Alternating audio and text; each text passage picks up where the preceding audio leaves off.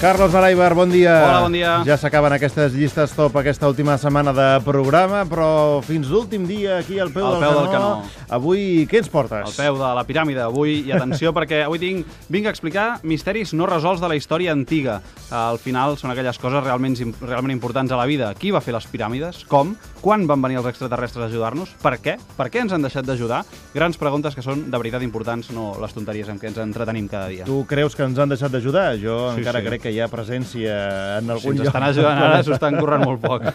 Vinga, número 5. Al número 5 hi ha el misteri del cub de Salzburg, que si se li diu cub és doncs, perquè els hi va agafar així, perquè no és un cub, és una mena de pedra botoruda, una mica de forma ovalada, feta de ferro, de ferro colat, que se la va trobar un miner l'any 1885 entremig de piles de carbó. La gràcia és que abans de datar-la, els científics van convenir que allò no era una formació natural, no és una pedra, una pedra de ferro que es faci així espontàniament, sinó que és un objecte fabricat, i no sabem per qui. I és que quan la van datar es va descobrir que té, el loro, 60 milions d'anys. Si el voleu veure, està al Museu Heimathaus de Viena. A quin museu?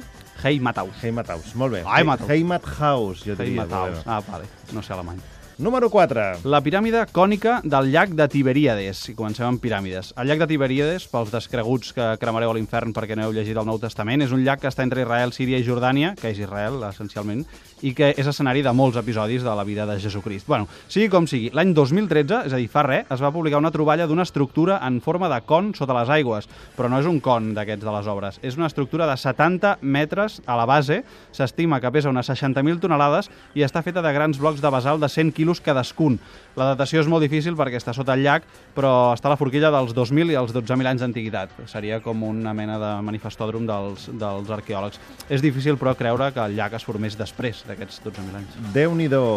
Grans misteris avui amb en Carlos Baraibar. Número 3. La pila de Bagdad és un artefacte trobat al que avui seria Iraq, que vindria a ser la primera pila que la humanitat va crear. Està formada per un petit gerro de fang amb un cilindre de coure a dins que alhora conté una barreta de ferro. Es veu que amb tot això i amb una mica de batum podem construir una pila rudimentària si se li afegís un líquid alcalí, com ara vinagre, i electròlits.